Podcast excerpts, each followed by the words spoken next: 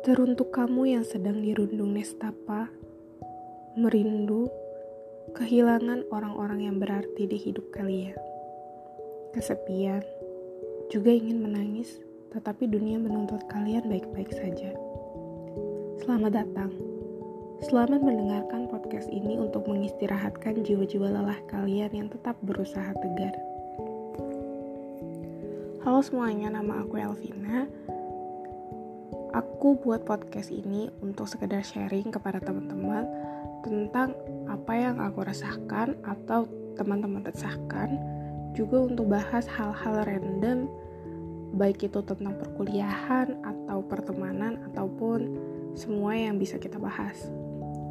Nah, di podcast pertama aku kali ini, aku pengen menceritakan sebuah cerita yang mampir ke Instagram aku dari seorang followers. Dia menceritakan beberapa banyak hal dalam hidup yang ketika aku baca juga sebenarnya kayak wow, bagaimana seorang bisa survive dengan keadaan yang begitu bisa aku bilang agak mencekik. Nah, kayaknya kita juga sepakat ya bahwa keresahan-keresahan dalam hidup sering kali buat kita mempertanyakan eksistensi kita di dunia. Nah, cerita kali ini berasal dari sebuah teman yang mungkin bakalan aku sensor aja namanya. Um, jadi pesan ini muncul tanggal 30 September jam 10.45 malam. Aku bacain ya. Hi, it's really great that you write about mental health while some us still think of it as a taboo topic. Aku didiagnosa menderita anxiety and depression syndrome tiga minggu lalu. Walaupun somehow aku tahu kalau ada sesuatu yang salah dengan mentalku lima tahun lalu. 6 September 2017, ayahku meninggal Aku resign dari kantor di Tangerang dan pulang ke rumah nerusin usaha ayahku karena adekku masih kuliah. Sejak itu aku sering nangis sendiri. Somehow aku tahu kalau aku mulai depresi. Kemudian kucing aku, Dora, mati. Kucing lainnya, Reno, hilang. Awal tahun ini tuh ada masalah dengan ibuku dan teman-teman laki-lakinya, which was bother me so much. Kucingku Mika sakit, sampai dirawat berhari-hari. Kemudian kucingku Solby yang aku tahu sehat tiba-tiba drop dan mati. Karena itu anxiety disorderku hampir nggak terkontrol. Aku ke psikiater dan dirasapkan antidepresan. Sejak ayahku meninggal, aku fokus di usaha dan adikku karena aku punya rencana matang buat adikku. I give my best for him. Dan puncaknya minggu kemarin adikku bawa pacarnya pulang dan ngabarin berita yang merusak kepercayaanku ke adikku selama ini. Wow. That night I lost it. Adikku aku pukul berkali-kali. Aku ngamuk sejadi-jadinya. Barang aku lempar dan pecahin. Aku meracau nggak karuan dan nggak terkontrol.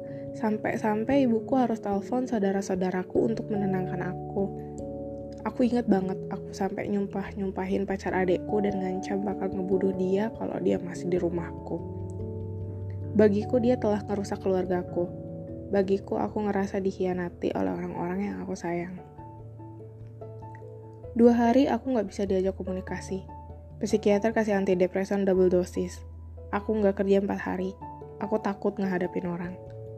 Aku nggak keluar rumah sama sekali. Sekarang aku jauh lebih tenang gak nangis lagi. Tapi aku tahu itu karena obat. I blame myself and I still do. Mungkin sekarang aku tenang, tapi aku gak tahu apa yang terjadi nanti. Karena pada akhirnya aku harus hadapi kenyataan bahwa aku bakal hidup dengan mental yang gak 100%.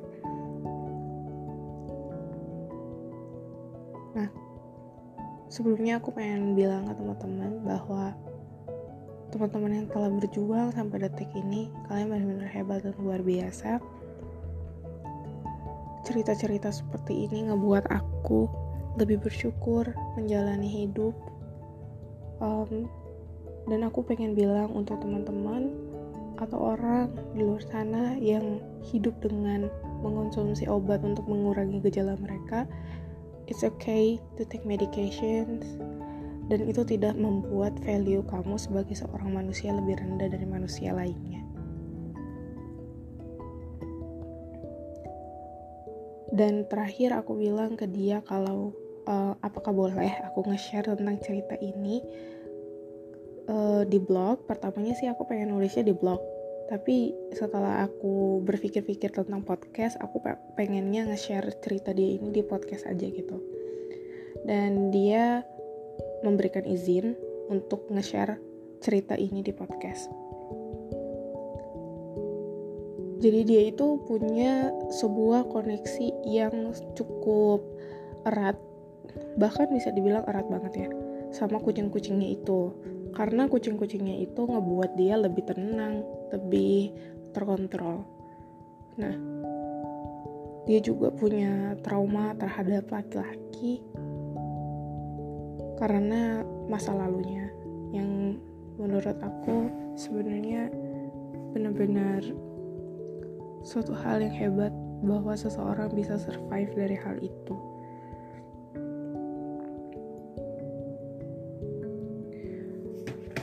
Nah, um, segitu aja cerita dari kakak itu. Menurut aku sih, hal-hal buruk dalam hidup kita akan terus terjadi sepanjang kita hidup sebagai seorang manusia ya penolakan, ketidaksetiaan, perubahan, kehilangan orang-orang atau benda-benda yang kita cintai itu pasti akan tetap ada.